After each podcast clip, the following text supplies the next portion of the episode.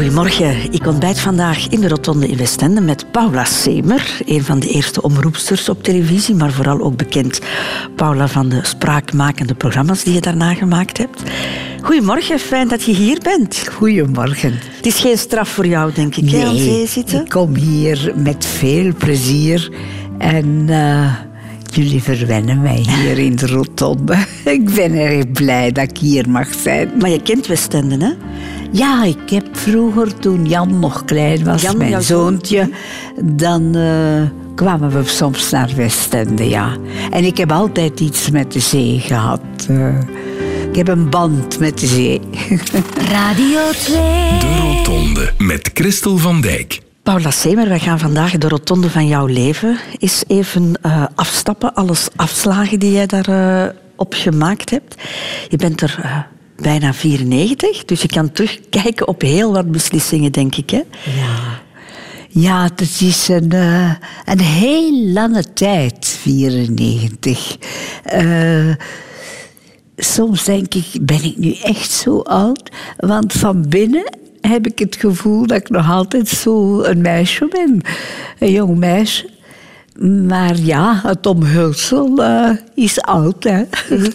Kijk je regelmatig terug naar alles wat er gebeurd is? Uh, ik leef met mijn herinneringen, ja. En dat is, ik word minder en minder mobiel. Ik hang veel van andere mensen af. Dus ik zit wel vaak thuis. Ik wandel wel en zo. En dan uh, kan ik gewoon aan vroeger denken. Ja? Ja, wat ik vroeger niet deed. Want ik moest altijd bezig zijn, iets doen.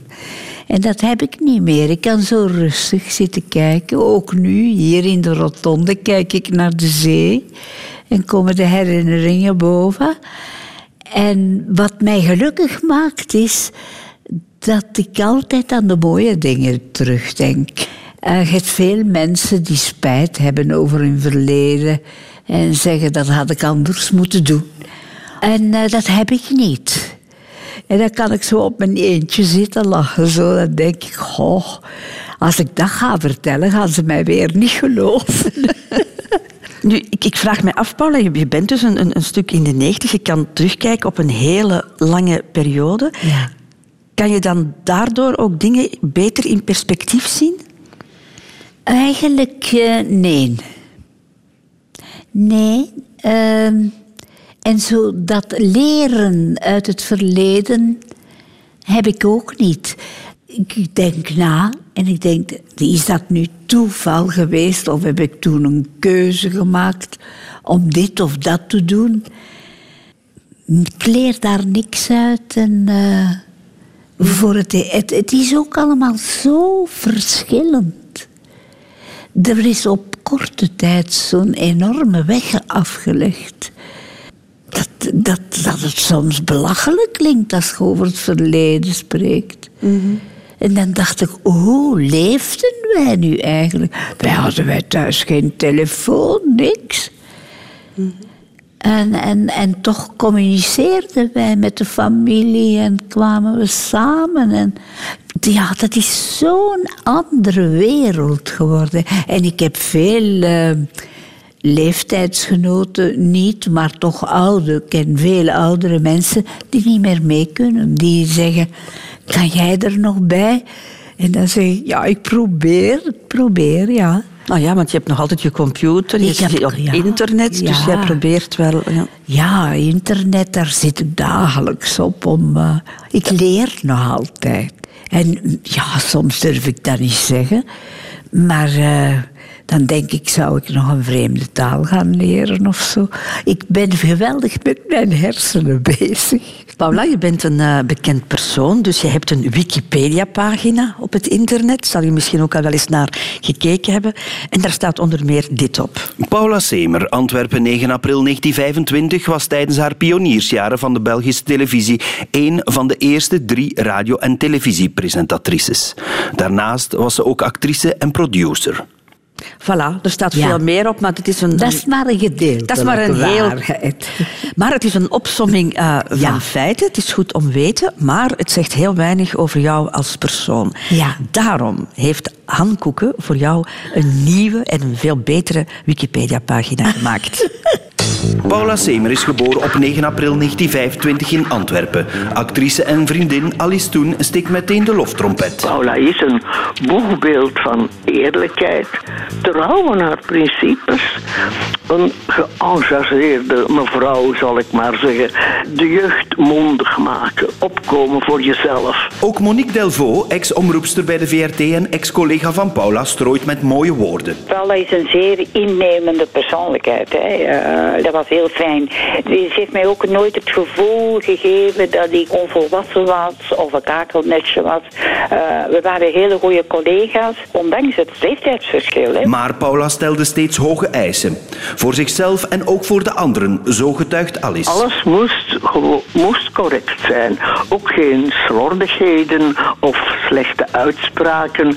Zij, zij was gefocust op taal. Hè. Op dat gebied was allemaal heel professioneel bezig. En niet alleen op de werkvloer was Paula een taalpurist, ook de familieleden werden regelmatig aan een taalonderzoek onderworpen. Kleinzoon Bruno Cornelis moest wel vaker op het schoolbankje van oma. En dan komt ze altijd met het schootdicté af.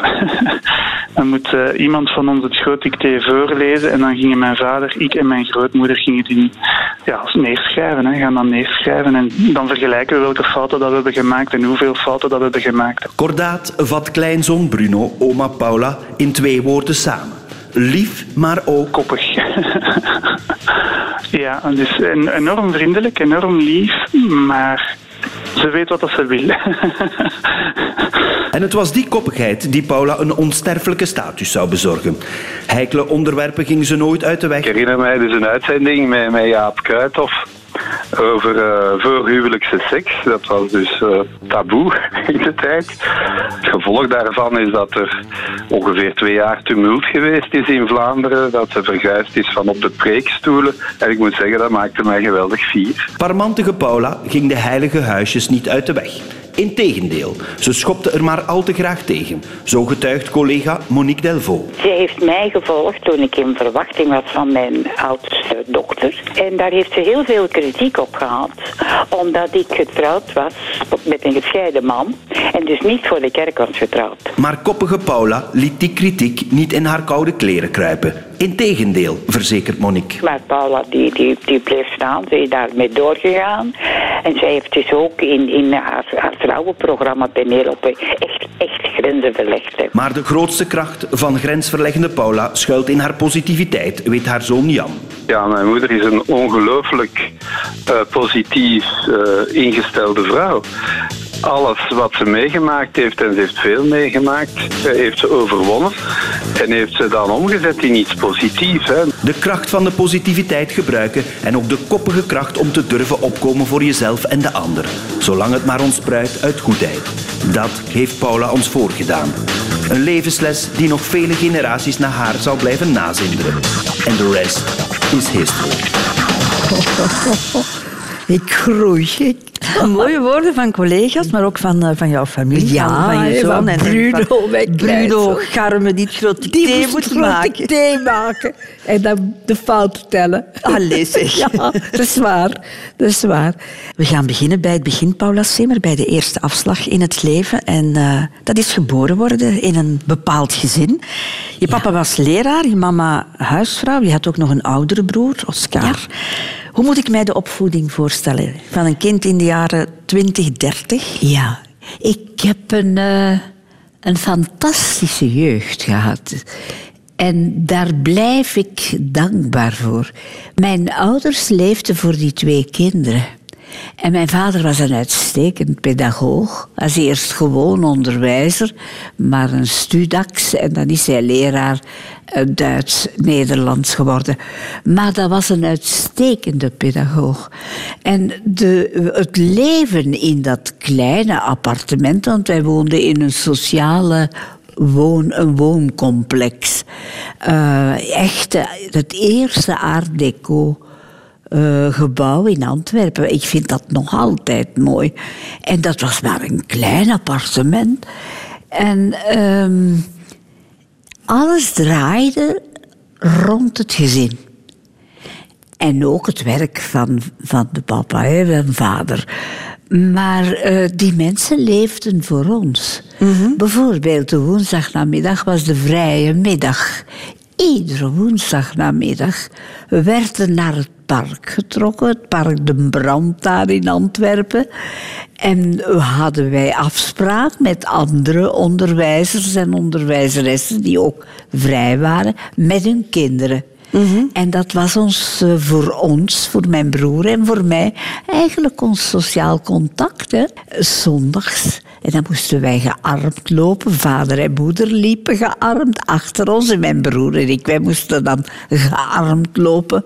En dan werd er gewandeld in de stad. Dan gingen we naar de terrassen.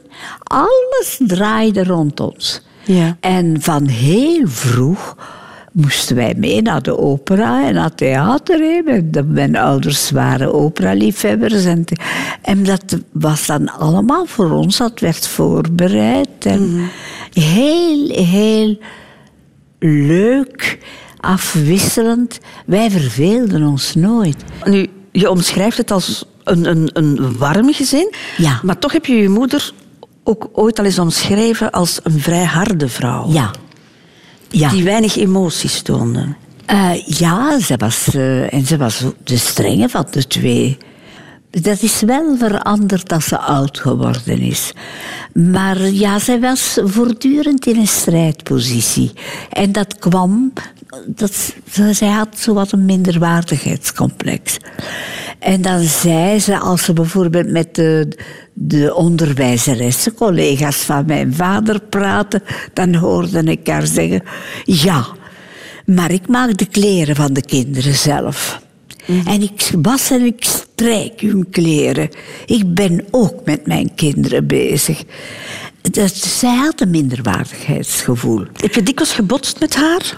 Ja, met mijn moeder potste ik meer dan met mijn vader. En waarover maar dat dan? is allemaal...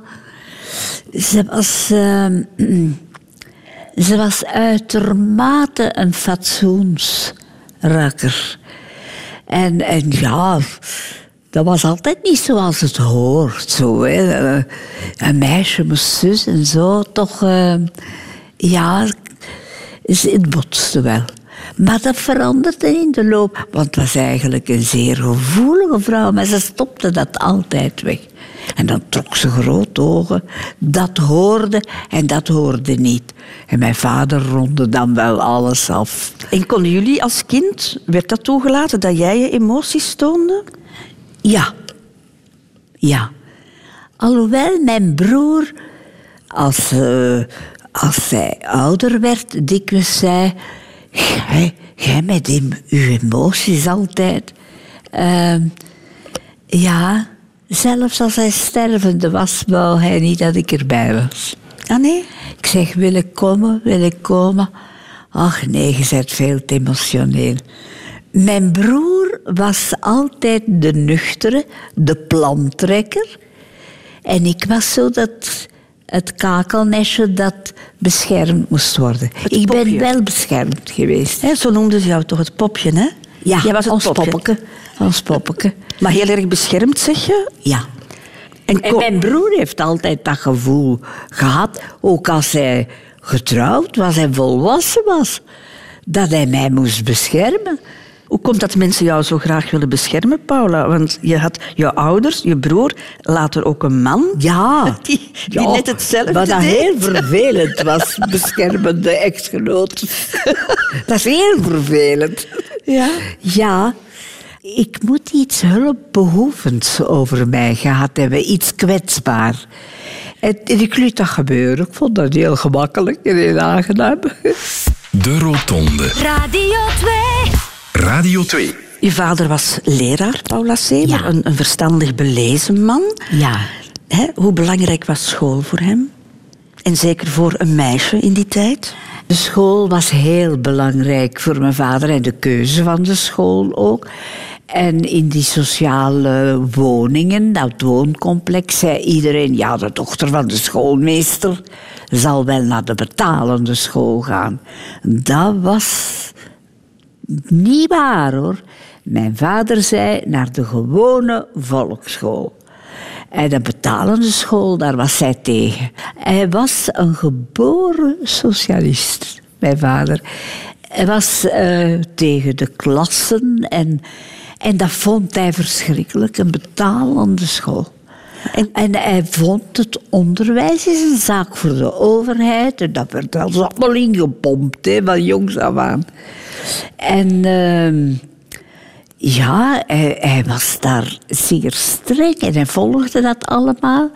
Maar hij hielp ons niet, mijn broer en mij. We moesten onze plan trekken.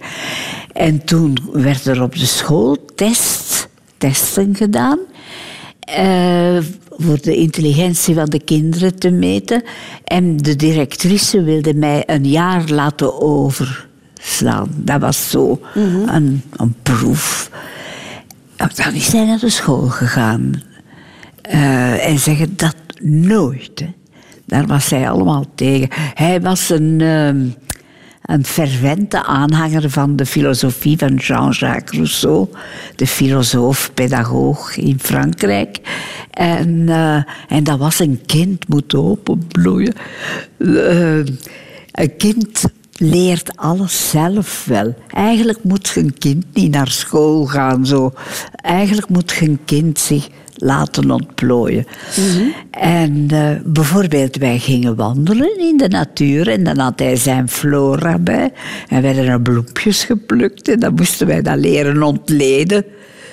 Tot welke plantensoort dit en dat. Raapjes werden uitgetrokken en dan moesten we zien hoe dat groenten groeide in de omgeving van Antwerpen dan. Jij hebt normaal school gedaan, eh, Ja. Paula. Was dat jouw eigen keuze of was dat iets dat jou opgedrongen werd? Dat was, dat was zo. Dat was zo. En ik moet eerlijk uit zeggen, ik had in de lagere school vijf jaar lang dezelfde onderwijzeres. En ik dweepte met die vrouw. En dan zei ik, ik wil zoals u je vrouw worden. Maar later wou ik actrice worden. Ja, wij gingen iedere week naar theater, naar de opera. En dat was... eh, mijn vader zei eerst een diploma halen en dan doe je wat je wil. Maar je moet op eigen benen kunnen staan. Economisch onafhankelijkheid, dat werd bij ons thuis. is modern. Ja, maar hij gunde het zijn vrouw niet, hè? Ah, zo. Wij, wat mijn moeder wou altijd maar, ja, zij las veel en zij wou een boekenwinkel beginnen of ze wou in de bibliotheek gaan werken. Wij brengen onze kinderen zelf groot, zei hij dan. En hij zei ook, ik moest daar wel om lachen. Socialisten, zei hij, die kuisen hun eigen vuil op. Mijn moeder mocht zich niet laten helpen. En dan dacht ik, maar hij doet het niet, hè. Hij laat het wel aan zijn vrouw. Ik was wel een kritisch kind, ja. Precies, ja. Ik had een, toch wel... eh, ik zag hen graag, maar ik was wel heel kritisch, ja. Nu nog eens even naar jouw opleiding, Paula. Dus eh, je bent onderwijzeres geworden, of afgestudeerd. We gaan even een, een sprong in de tijd maken. Hè. Maar je hebt dat beroep nooit uitge, eh, uitgeoefend. Het is Er te waren- zeggen, ik, ik kwam uit de normaalschool. Ik ben de eerste uit de normaalschool gekomen. En Antwerpen was een dorp. Hè. Heel Antwerpen wist dat, dat ik de eerste uit de normaalschool was gekomen. En eh, ik was daar wel een beetje fier op, moet ik zeggen. En eh, er was geen plaats. Voor de, toen was er al jeugdwerkloosheid. En toen werden wij allemaal geplaatst, zo in de ransoneringsbureaus. De oorlog was amper gedaan, maar de ransonering bleef. En dat lag mij helemaal niet. En eh, ik zocht vrijwilligerswerk en dan vroeg men mij, wilt je zo commentaren lezen? En toen al waren er animatiefilmpjes heel educatief natuurlijk, voor de kinderen van de Antwerpse stadsscholen. En dan deed ik die stemmetjes al na, zo, maar allemaal intuïtief, want er was daar geen regisseur of niks. En Karel Albert, een van de directeurs van de toenmalige, toenmalige NIR, die zat met zijn dochtertje ooit eens in de bioscoop en die zei, zeg dat is een goeie stem, Eh, ik moet die hebben. En dan heeft hij iemand aangesproken die met de fiets bij ons thuis komen vragen is of ik op de radio wou komen werken. Je was 19, Ja. Paula, en je wilde actrice worden en je kan dan bij de radio beginnen. Had jij het gevoel toen, nu gaat het leven echt beginnen voor mij? Dat was. De, ik dacht, dat kan niet. Maar ik liep toen ook conservatorium al. hè. Eh, onmiddellijk, na, als ik mijn diploma in handen had, eh, ging ik naar het conservatorium, mij laten inschrijven. Allemaal op mijn eentje. Ehm, en ik had nog meer het gevoel dat het leven begon toen ik met die bende jonge mensen daar ineens... Ik werd daardoor opgenomen en dat ik daar over Vondel en over eh, Molière hoorde spreken. Al de grote klassiekers mocht spelen. En dat was zo van, hier hoor ik nu thuis. Hè. En toen je dan bij de radio kwam, dan wist je, ik kan er ook mijn beroep van maken. Nee. Zo, ik heb mij altijd een liefhebster gevoeld. Zo, een die daar binnenkwam en die mocht meedoen. En het is eerst op de televisie, als ik geslaagd ben in het examen van producer, dat ik dacht... Nu ben ik bij de professionele. Zeg, kijk, ik zat dan in het kader ineens en ik kreeg een eigen programma. Nee, ik heb mij altijd een liefhebster gevoeld. En altijd zo met de regisseurs praten. Ze verbeter mij. Eh, Hoe moet ik dat doen? En leren, leren, leren. Een van de meest belangrijke momenten in jouw leven, Paula Semer, moet denk ik toch 31 oktober 1953 geweest zijn. De avond dat de televisie gelanceerd werd. Jij was toen 28, speelde die avond mee in een live televisiespel. Besefte je toen dat je eigenlijk geschiedenis aan het schrijven was? Nee. En wij waren niet voor televisie. Eh, we, de- och, in de pers ook. Hè. Dat was een huisbioscoop, een modeverschijnsel. Televisie werd niet heel serieus genomen. Maar eh, ik had meegedaan in dat televisiespel tijdens de proefperiode. Want er was een televisiestudio ingericht en wij hebben twee jaar proeven opgenomen. De radiomensen die kregen zo kansen. En ehm, daarbij was Bert Janssens, die regisseur was op de radio. En die vroeg mij om ehm, eh, de hoofdrol te spelen, de vrouwelijke hoofdrol in eh, Drie dozijn Rode Rozen. In de proefperiode dan. Dat de start van de televisie werd altijd maar uitgesteld. Twee jaar zijn er proeven geweest. En eh, dan op een goede dag kregen we toch de zegen om te beginnen. En toen zei Bert Janssens, eh, ja Paula, drie dozijn rode rozen is verkozen door een jury om de avond mee te openen. Dus als hoofdschotel van de eerste televisie aan. Het was dus niet jouw eigen keuze om naar televisie te gaan. Jij zat heel goed Oh, bij de nee. radio. Ik was verliefd op de radio. En je hebt dat gewoon plichtsbewust gedaan omdat men jou dat Nee, gevraagd dat had? is in overleg met Herman eigenlijk gebeurd. Ja. Eh, ik had dan al zeven jaar radio achter de rug. En Herman was dan regisseur Jouw geworden. man, hè? Ja. Mijn man. En ehm, ja, met je man samenwerken op de radio was toen niet altijd gemakkelijk. Als ik een grote rol kreeg, ah ja, het is de vrouw van Herman. Hè. Als ik een kleine rol kreeg eh, in een luisterspel, ah ja, ze moet bij de kleine blijven. Hè. Zo, dat was altijd, dat was niet kwaad bedoeld, maar het was toch niet aangenaam. Hè. En op die manier konden jullie wegen scheiden. Als jij naar televisie ging, dan... eh, Wel, ja, Herman ja. zei, eh, als je dat nu eens aannam. Ik zeg, jammer. En Jan Boon, het was een idee van Jan Boon, de directeur-generaal. Die was overal in het buitenland gaan kijken met Bert Leijzen. En in het buitenland hadden ze een leading lady. Dat was Jacqueline Joubert in Frankrijk. Sylvia Peters in de BBC. En Jan Boon eh, volgde alles, luisterde naar iedere radio-uitzending. Die kende mijn werk, die schreef ook commentaren en die zei: Ik wil Paula Semer. En Bert Leijzen, waar ik ook eh, mee gewerkt heb voor Radio Hasselt. Ja, ik was echt zeer populair op de radio. Hè. Bert Leijzen was onmiddellijk akkoord. En eh, ik zei, jammer, ik neem dat niet aan, dat interesseert mij niet. Die, ja, die, televisie, dat interesseerde mij echt niet. En eh kreeg ik een vergoeding. Hè? Weet jij dat de acteurs van Dramatisch Gezelschap, chef Burm en zo, die heel populair waren en die buitenshuis optraden, die zeiden: televisie, salu, hè? ik wil ik betaald worden als ik voor televisie optreed. En eh, ja, ik was weer de leerling die het allemaal goed wou doen. Hè?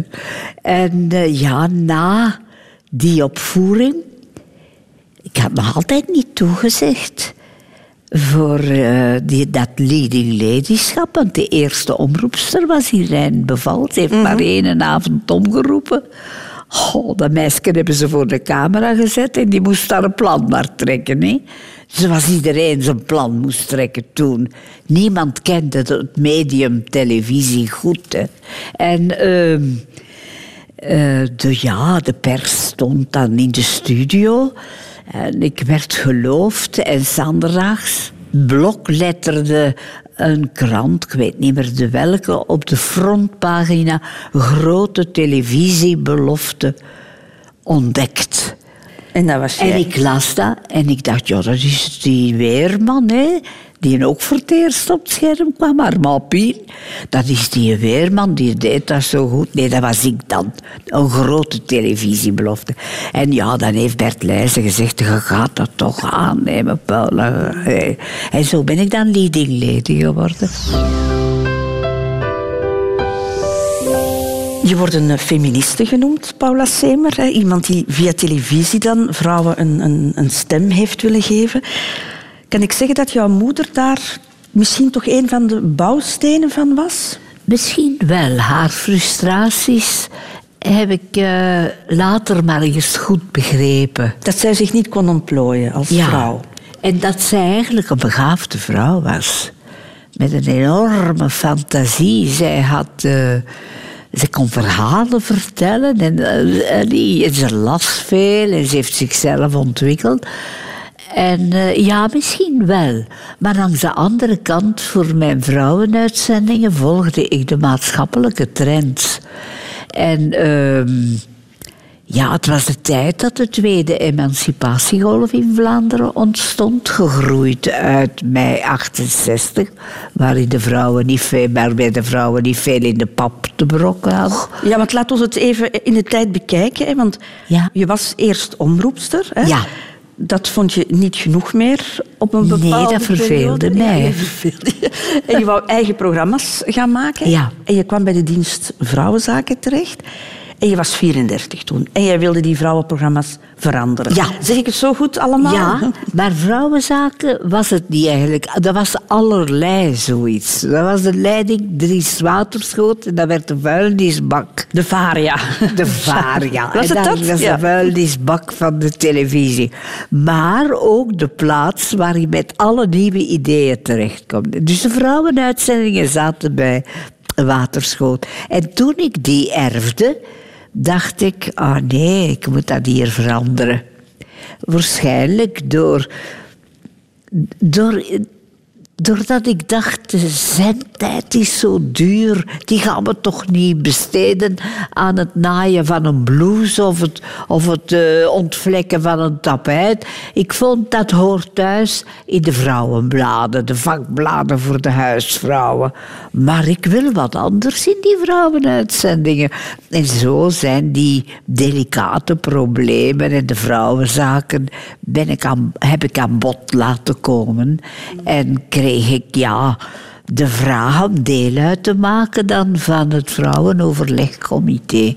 Dat was een groep vrouwen die buiten de traditionele verenigingen bijeenkwamen om eh, ja, aan de, ja, de emancipatie van de vrouwen te werken.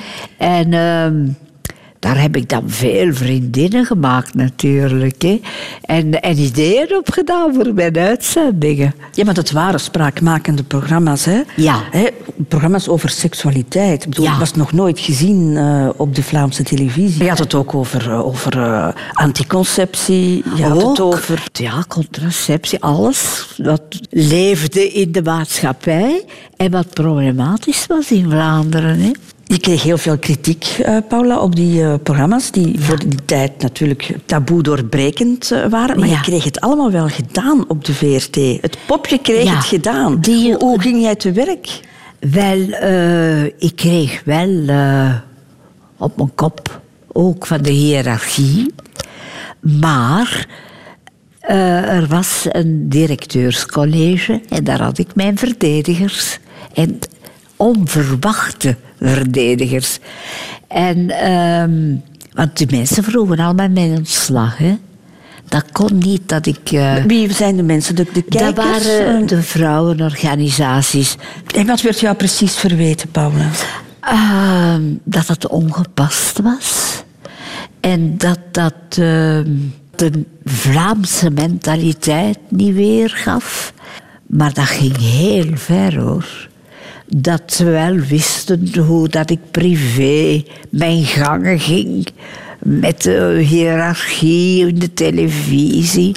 En dat ze met vitriool aan de uitgang zouden komen staan om mij blind te maken. En dat ging heel ver. Maar die bedreigingen, Paula, hebben die jou nooit eh, afgeschrikt? Hebben die jou nooit doen denken van... Ja.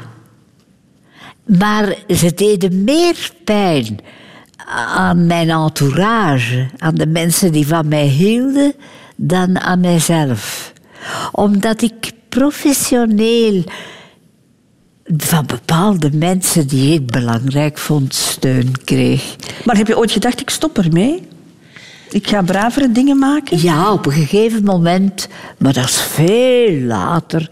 Dat, ja, op een gegeven moment hebben we gezegd, eh, we gaan van tactiek veranderen. Dan zijn we tactiek beginnen bespreken. En daar denk ik nu nog over. Dat ik denk, ik had dat anders misschien moeten aanpakken. Ja, denk je dat je het... eh, Ik heb tegen brief, Schenen ja. gestampt. Hè. Dat was, en ja, Jean-Luc Dehane heeft dat eens in een televisieuitzending gezegd toen het over mijn programma's ging. Zij volgde de maatschappelijke trends, maar die speelden zich af, die nieuwe trends, in de steden. Zij maakte programma's voor stedelingen en ja, ik vergat dat het platteland, in al die uithoeken, die kregen ineens zo van alles op hun bord dat ze niet verstonden. Werd je geïntimideerd binnen de VRT ook?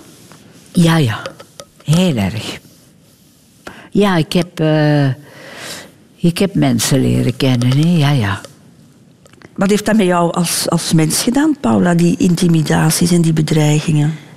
Het heeft mij gesterkt. Ik, ik was niet, het, eh, niet meer het kwetsbare vrouwtje dat... eh, ik durfde van mij afbijten. Ik durfde... eh, het heeft mij gesterkt. Maar ik ben er wel op een gegeven moment bijna ziek door geworden. Door een chef die mij kapot pestte. Ik begon te stotteren en zo van dat soort dingen. En dan heeft toch wel de directie gezegd, we moeten haar daar weghalen. En eh, ja, op dat moment had het grote geluk dat eh, Jan Bouwens, die oud-journalist en die de leiding kreeg van wetenschappen, een producer bij mocht hebben. En hij heeft dan altijd in de pers gezegd, ik heb voor een vrouw gekozen. En die heeft mij gevraagd naar hem te komen. En dat heeft jou gered, mentaal. En dat heeft mij, daar ben ik een normale mens geworden. Ik had geen verdedigers niet meer nodig. En ik denk dat ik maar volwassen geworden ben toen. Erg laat, een laatbloeier zeker. Radio 2. De Rotonde. 1981, Paula Semer. Ja. 55 hè, was jij toen. En, Ja. en je wordt ziek. Eh, je krijgt de diagnose borstkanker. Ja. Daarnet zei je voor negen uur een donderslag bij heldere hemel. Maar toch had je al heel lang in de gaten dat er iets mis ik had was. al heel lang, maar ik dacht niet, direct aan borstkanker een vormverandering van mijn borst gezien en een heel klein rimpeltje, maar ik heb nooit een knobbeltje gevoeld. Dus ik ging ik bij de dokters en de, dat was nog de mentaliteit, nee, geen mammografie. Want dat stralingen en dat moet je maar vermijden. Dus, en zo'n sterke vrouw zoals jij, nee, nee, nee, nee, je moet niet bang zijn. Totdat uh, wij op vakantie waren, Herman en ik, op de wintersport. Dat wij in Davos waren. En uh, nee, in Kitzbühel, ik weet het nog. Met een badkamer met een neonlamp zo boven de spiegel. En ik bekeek mijn borsten en ik zeg, wat is mij dat? Die rimpel was donker geworden en groter. Ik zeg, Herman, kom nu toch eens kijken. Ja, maar jij moet naar de dokter op onze vakantie. Was eraan natuurlijk. Direct naar de huisarts. En die zei nog, no, dat is. Zo'n sterke vrouw gelijk jij. Alleen, je gaat nog skiën en je gaat nog op wintersport. Nee, nee, nee, dat is op niveau van de huid. Ja, wat. Ik zeg, ja, maar zeg, luister Hugo, nu kan je op je kop staan, maar ik ga een mammografie laten maken. Het is goed, zegt hij, die schrijft dat. Ja, wat, dat werd nog voorafgegaan door thermografie. Men nam de warmtegraad. En ik zag dat allemaal rood-rood worden op die thermografie. En die verpleegster zei, mevrouw, mevrouw, dat is niks hoor, dat is niks. Paniek, paniek. Maar achteraf zei ze, ja, het was zo duidelijk. Hoe kwaad was je dan, Paula? Het feit van, jij wist, jij wist het, jij voelde het. Ja. Men had er veel eerder kunnen bij zijn. Daar is geen aandacht voor. Maar de huisarts heeft mij daarna gezegd... Ik had nog geen patiënten met borstkanker gehad. Vroeger kreeg je kanker en je ging dood, hè, zeg. Dat was niet meer het domein van de huisarts, hè. En de, en de gynaecoloog, ja, daar ben ik door een beetje door verwaarloosd. Ja, ik moet zeggen, uh, ik was geweldig in paniek. Geweldig. En toch ging er al door mijn hoofd, hier doe ik iets mee. Hier doe ik iets mee. Ik ga nu rap sterven, maar voor ik sterf doe ik iets met dit, dit, dit wedervaren. Maar ik dacht meer aan een boek. Mm, je hebt uiteindelijk programma's over gemaakt, daar gaan we het zo meteen over hebben. Maar ik wil het even hebben wat dat met jou gedaan heeft. Want je, je moest afscheid nemen van een borst. Hè? Ja, het was, uh, de, het was een zeer drastische behandeling. Hè? Uh, chemo was in 81 bijna onbestaande. Heel sterke bestraling. En... Uh, 25 keer onder de. En ik ben ook onder zo heel sterk, ik geloof kobalt, dat dat een kobalt was. En dat werd later verboden. je vernielt daar en die bestraling vernielt te veel. Mhm. Heel dat borstbeen, dat werd bestraald. En... Maar hoe ging je om met dat verlies van die borst? Ik vond het heel erg. Maar mijn partner vond het erger dan ik. Een vrouw waar een stuk af was, dat kon niet. Dat kon niet. Uh, ik heb heel veel hulp gevonden in de zelfhulpgroepen. Leven zoals voorheen met Louisa Marseille ben ik naartoe gegaan. Veel gesprekken gehad met lotgenoten. Zelf ook een beetje aan vrijwilligerswerk gedaan. Want in die tijd werd daar toch nog niet zo openlijk over gesproken, oh, nee. Paula. was een oh, taboe toch? De dokter had gezegd, de huisarts, we gaan dat niet bekendmaken. En die had naar de BRT geschreven dat ik een depressie had. Dat was zo, dat was een schande. Dikke bult, eigen schuld hoor. En ik zei, ja maar, ja maar, nee, we schrijven naar, de, naar jouw werk dat je...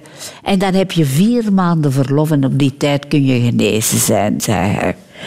En hij zei, je treedt nog veel in het openbaar en je wilt nog op het scherm komen. Dat kon niet, een vrouw die, die een borstamputatie had. En ik zeg, ja, en dan? Hij zegt, zo rap mogelijk een prothese, kleding aanpassen. En uh, jij zegt tegen niemand niks. En toen uh, ik het bekendgemaakt heb, ik heb het in een show van Mike Verdreng bekend. Die had een aantal vrouwen geïnviteerd om te vertellen over welke hun plannen waren op de televisie. En ineens zei ik, ik was niet van plan dat te zeggen. Hè. Ik was, en uh, ik zei ineens, Mike, stop ermee, ik heb borstkanker, zei ik. In volle zaal. Dat publiek, een muis kon je horen. Muisstil. Dat is de aard van beestje zeker, het taboes doorbreken, Paula Semer. Ik vond dat leugenachtig van mij, dat te verzwijgen en te zeggen dat ik een depressie achter... Ik weet nog dat Jan Gijzen mij in zijn armen pakte en zo stond te wiegen tussen de coulissen. Ik dacht, ik heb er toch goed aan gedaan met dat te zeggen. Hè. Want je was zeker niet de enige, uh, Paula. Want dat heb je dan gemerkt, want je bent daar dan televisieprogramma's over gaan maken. Ja, om de vijf jaar was er bij ons in de exacte wetenschappen, verover de aarde eten die heren, um, hadden die als naam voor hun programma's een bilan van de kankerbehandeling. De vooruitgang in de research, in de behandeling. En dan vroeg ik direct, Jan, mag ik daar een programma bij maken over de humane aspecten, de kankerbelevenis? Dan heb ik dat mogen doen. En toen dacht ik, ik ga over die borstkanker. Ik had alles bijgehouden, research gedaan. En dan heb ik een voorstel binnengeleverd, een hele serie over. Dus je hebt dat taboe doorbroken, ja. Paula. Je hebt heel wat vrouwen geholpen dan eigenlijk. Ja. Oh, hoeveel vrouwen mij geschreven hebben. Want in de pers werden die uitzendingen over borstkanker niet positief onthaald hoor. Nee? Nee, dat was wat doet ze nu weer? Hoor? Paula Semer, dan gaan we het ook eens over de belangrijke afslag uh, liefde hebben. Mm, de liefde? Ja, wat voor dromen had jij daarvan als jong meisje? Oh, ik was zeer romantisch. En ik dweepte. Ik was een dweperig type. Maar uh, ja, in de normaalschool, zo dat de jongetjes zo... Ja, achter mij begon te lopen dat vond ik, ja, dat was overbodig in mijn leven. Ik, ik dweep, dat is dweperig type zo. en dat kwam. Maar de realiteit hoefde niet. Nee, het, was, uh, het zat in jouw hoofd, de liefde zat in jouw hoofd. Ja, ja. ja. en ik schreef hè, en ik deed, maar uh, dat was heel eigenaardig.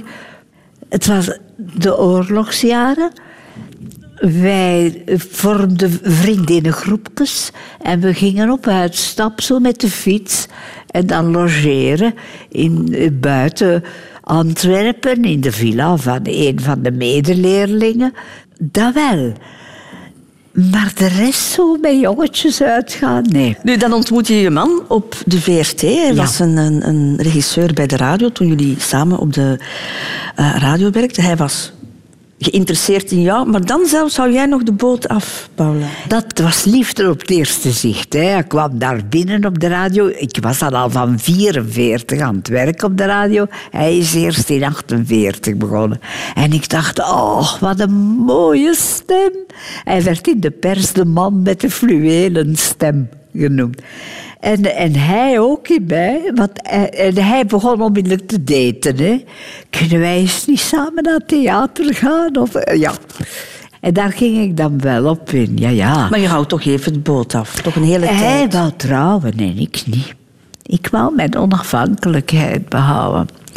Ik, ik had uh, tantes die niet gehuwd waren en die een boeiend leven hadden.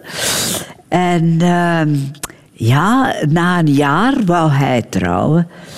En uh, ja, hij was formeel, hè.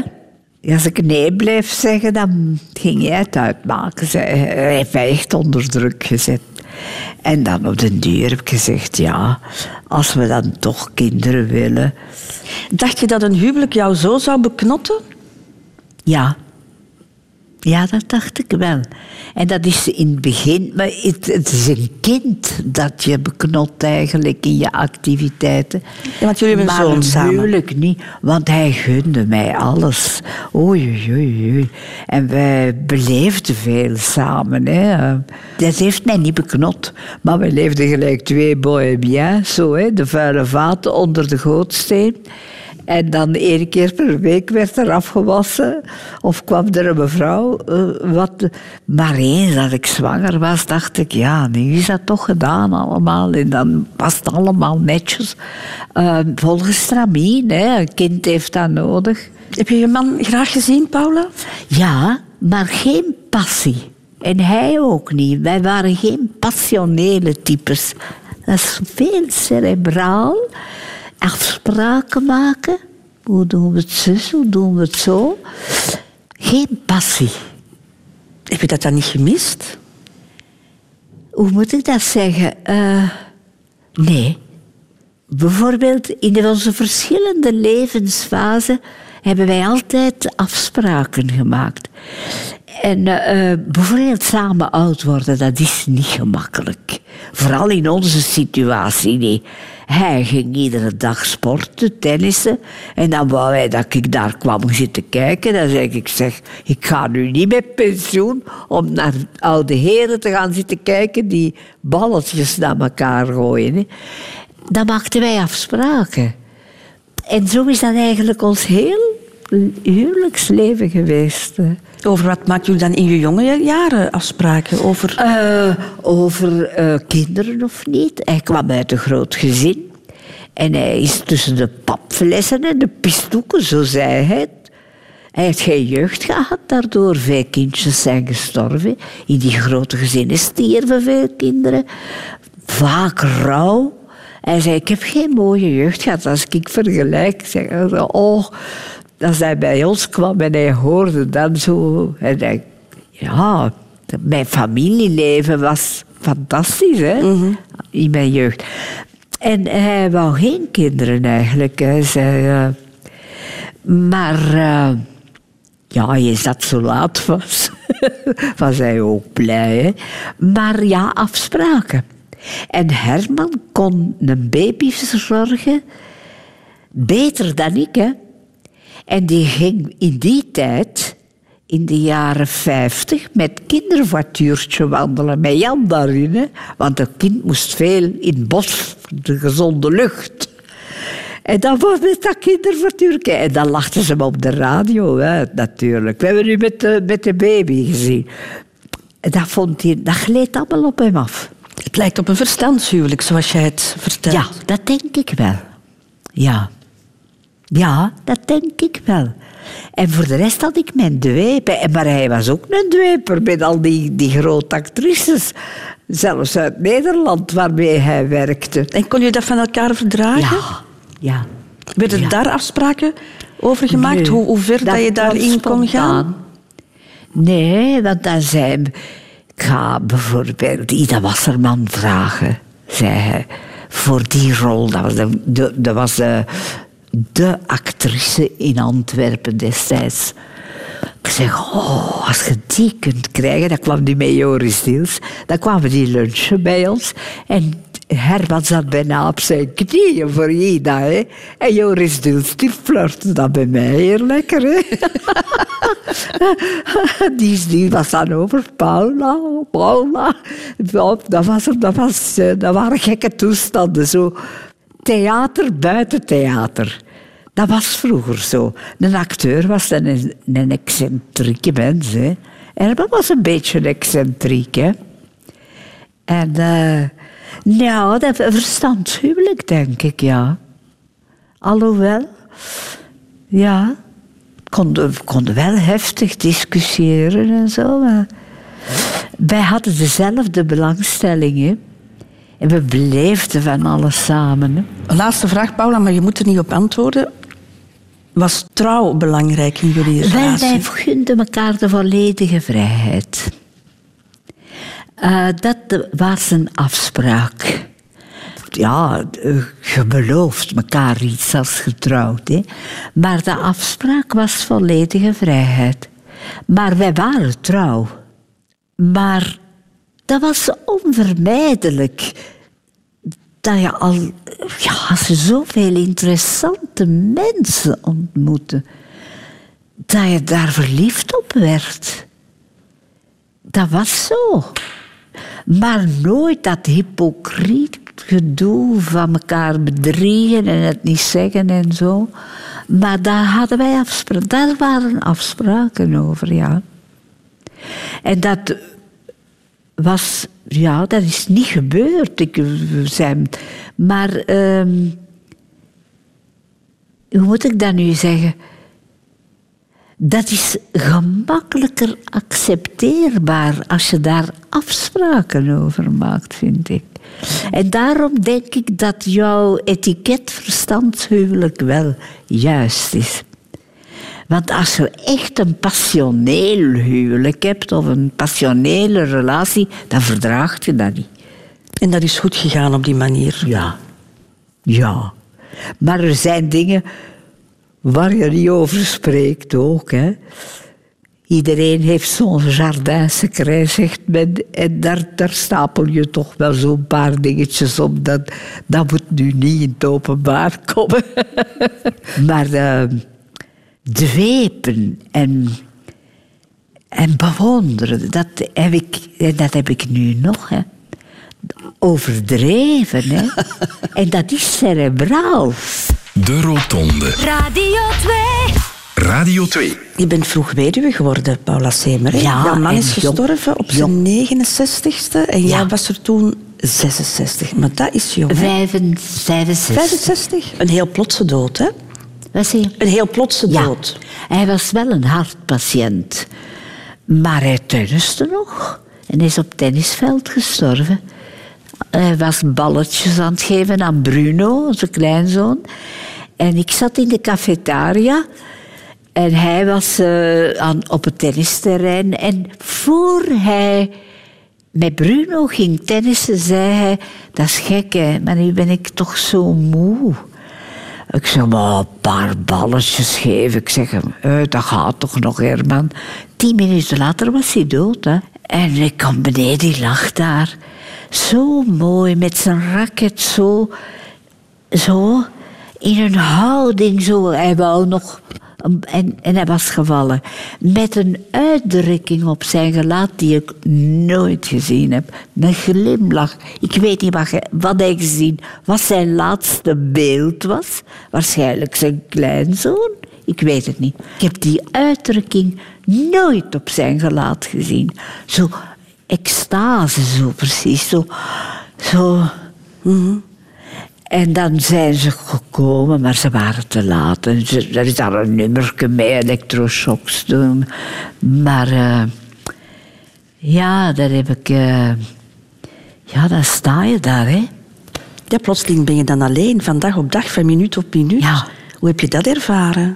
Dat was verschrikkelijk. Vooral omdat wij zo'n afsprakenmensen waren. Dat was een afsprakenrelatie.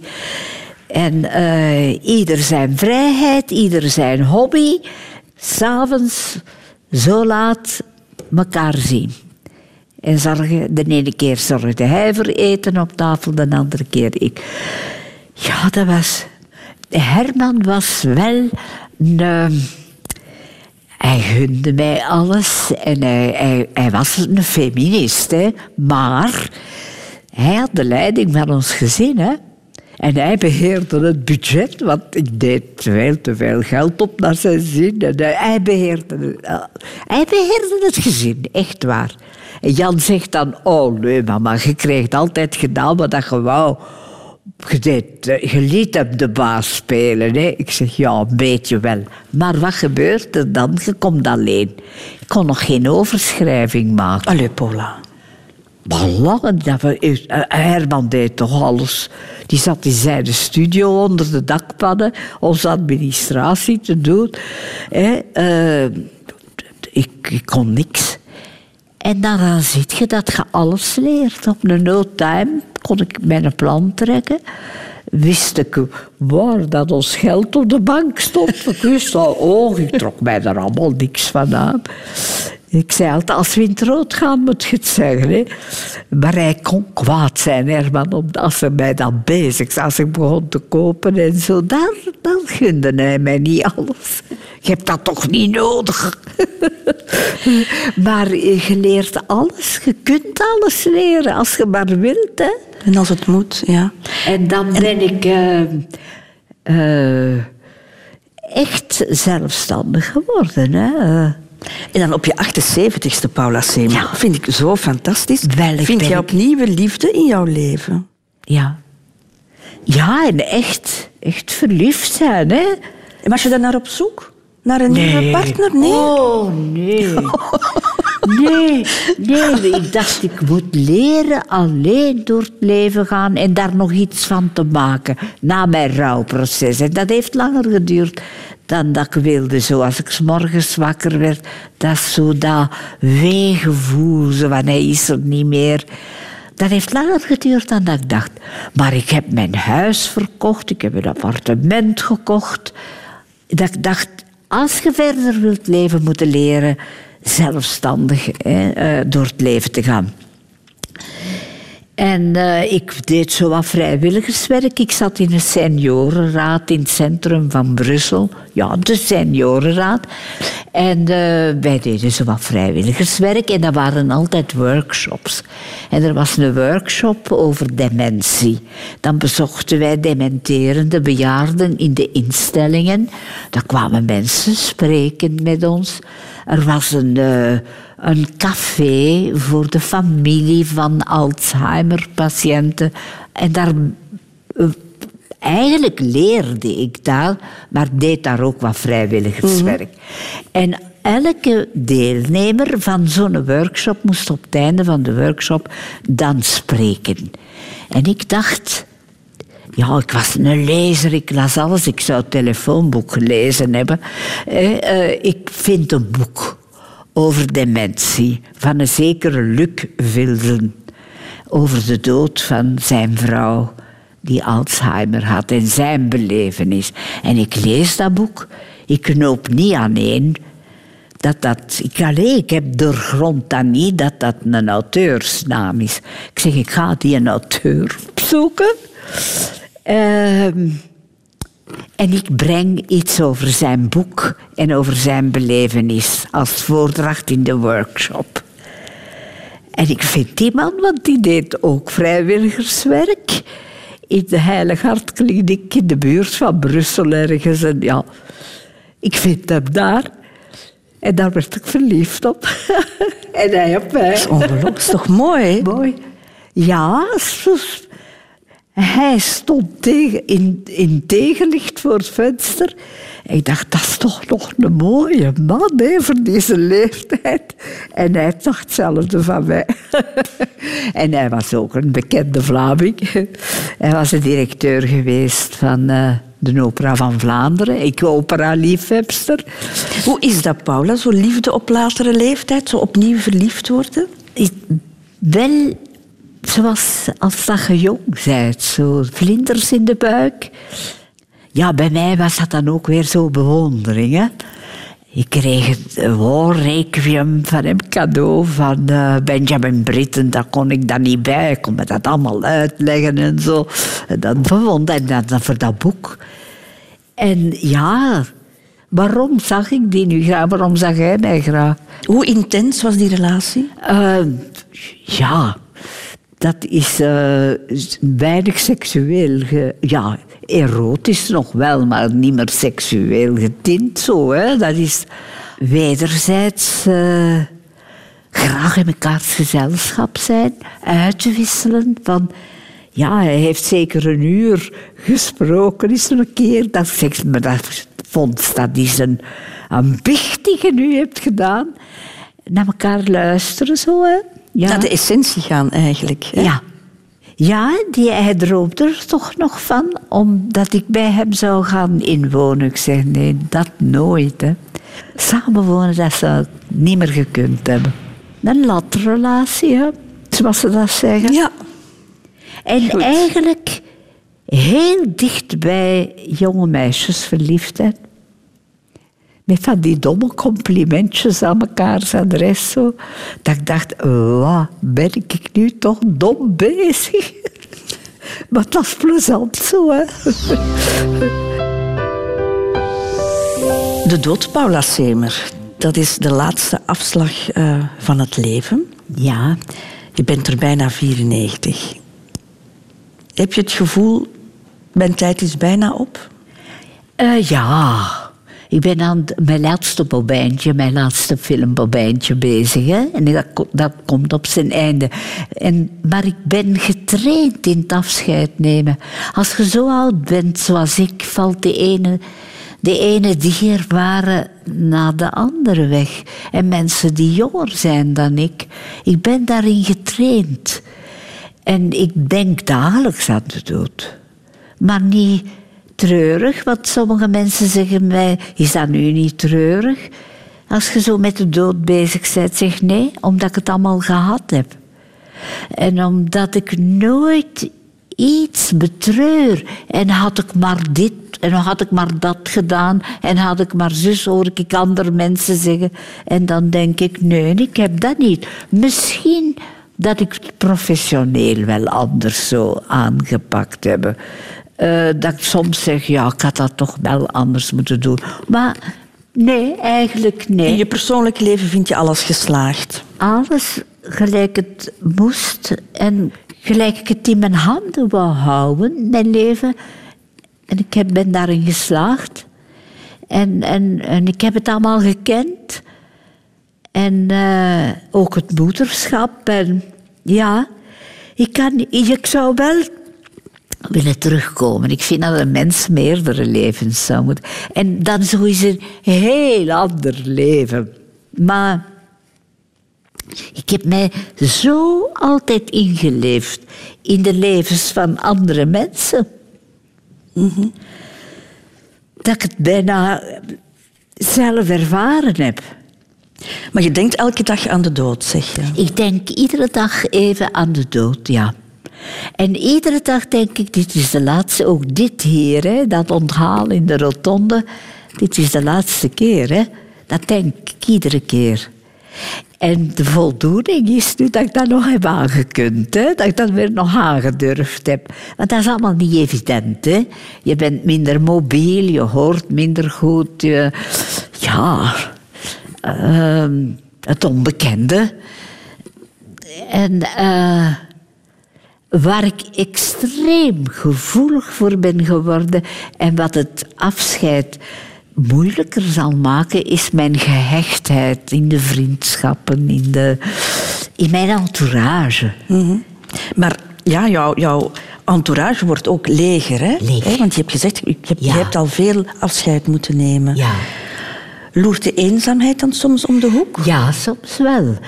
Maar nooit treurig. Het is zo constateren, ik ben toch eenzaam. En dan zeg ik, nee, je bent alleen. Maar je hebt die rijkdom van al die herinneringen. Ik kan niet zeggen dat ik ineens mensen moet zien of zo. Nee.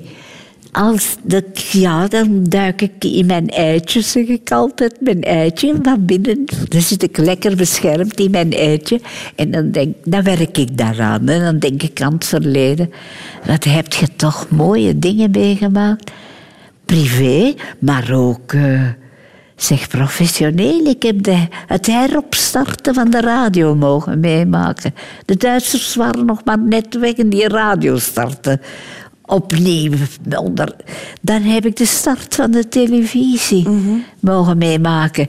Ik heb veel miserie gekend, maar ik heb toch veel voldoening. Maar heb je dat moeten leren om alleen te zijn? Ja, Want je was altijd omringd hè, door mensen. ja. Ik was nooit alleen. Bij ons thuis dan niet, dan met Herman. Ja, je moet dat leren. En ik moet zeggen, eh, als je alleen bent en je partner leeft nog, dan genoot ik van het alleen zijn. Ik ging alleen in het bos wandelen, want Herman wandelde niet zo graag. Maar als ik nu alleen in het bos wandel, dan weet ik, ik kom thuis en dat is daar nu doodstil en donker en daar is niemand. Ik heb het grote geluk dat ik drie vriendinnen in de building heb waar ik woon. En dat ik een conciërge heb in de building die komt bellen en die een kopje koffie bij mij komt drinken. En daar heb ik wel behoefte aan, ja. Je hebt ook het geluk, Paula, dat je eigenlijk toch nog altijd zeer mobiel bent.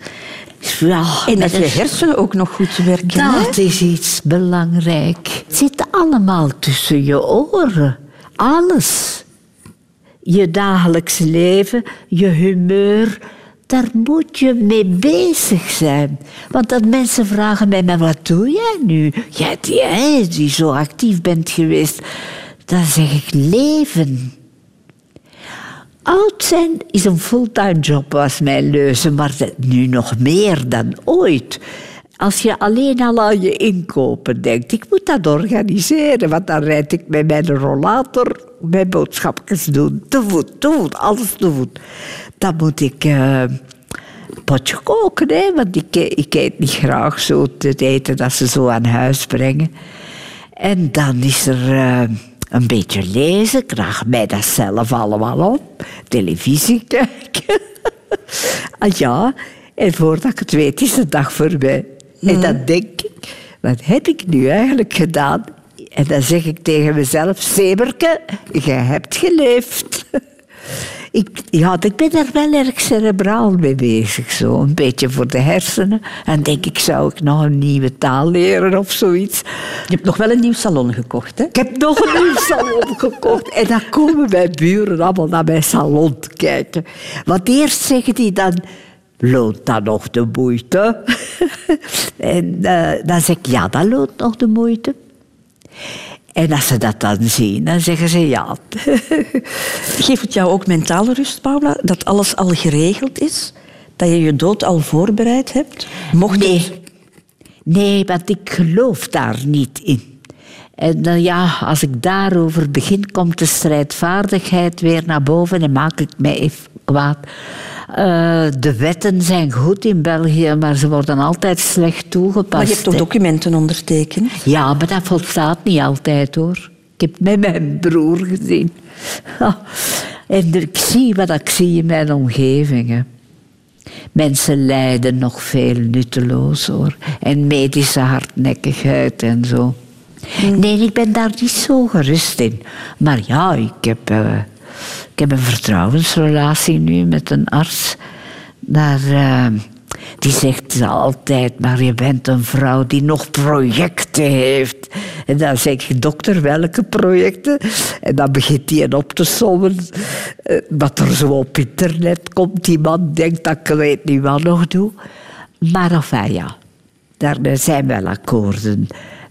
Maar toch heb ik mijn vragen daar nog altijd. Ja, daar ben ik een beetje ongerust over, ja.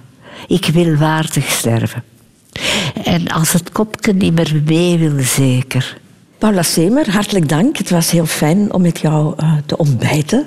We hebben bijna een tijdspanne van 100 jaar overspannen. Hè. Dat, is, dat is al heel wat. Dat is heel wat. hè. Fijne herinneringen Ik heb het ook fijn gehad, hoor. Ja. Bedankt. Heeft de zee jou goed gedaan? Ja, och ja. Ja, en ook dit kader. Zo, het is, eh, het- de mens voelt zich goed in zo'n mooi kader. Lieve mensen. Nee, het was eh, een belevenis. En ik zeg toch altijd bij mezelf... op je 93ste dat nog mogen meemaken. niet. Dat is toch iets, hè? Dat is een voorrecht, hè? Het was een eer om jou hier te hebben, Paula. Ik wil nog één ding vragen. Ja. Eh, al mijn gasten schrijven iets in het gastenboek. Graag. Wil jij dat Heel ook graag, ja. Te gast in de rotonde heb ik heerlijke momenten beleefd. Wat al warmte, vriendschap en savoir-faire van Veerle, Christel en Bart. En dan was er de zee. De zee in eindeloze deining. Als 93-jarige dit nog beleven is een voorrecht. Dus dank voor al die verwennerij. Paula.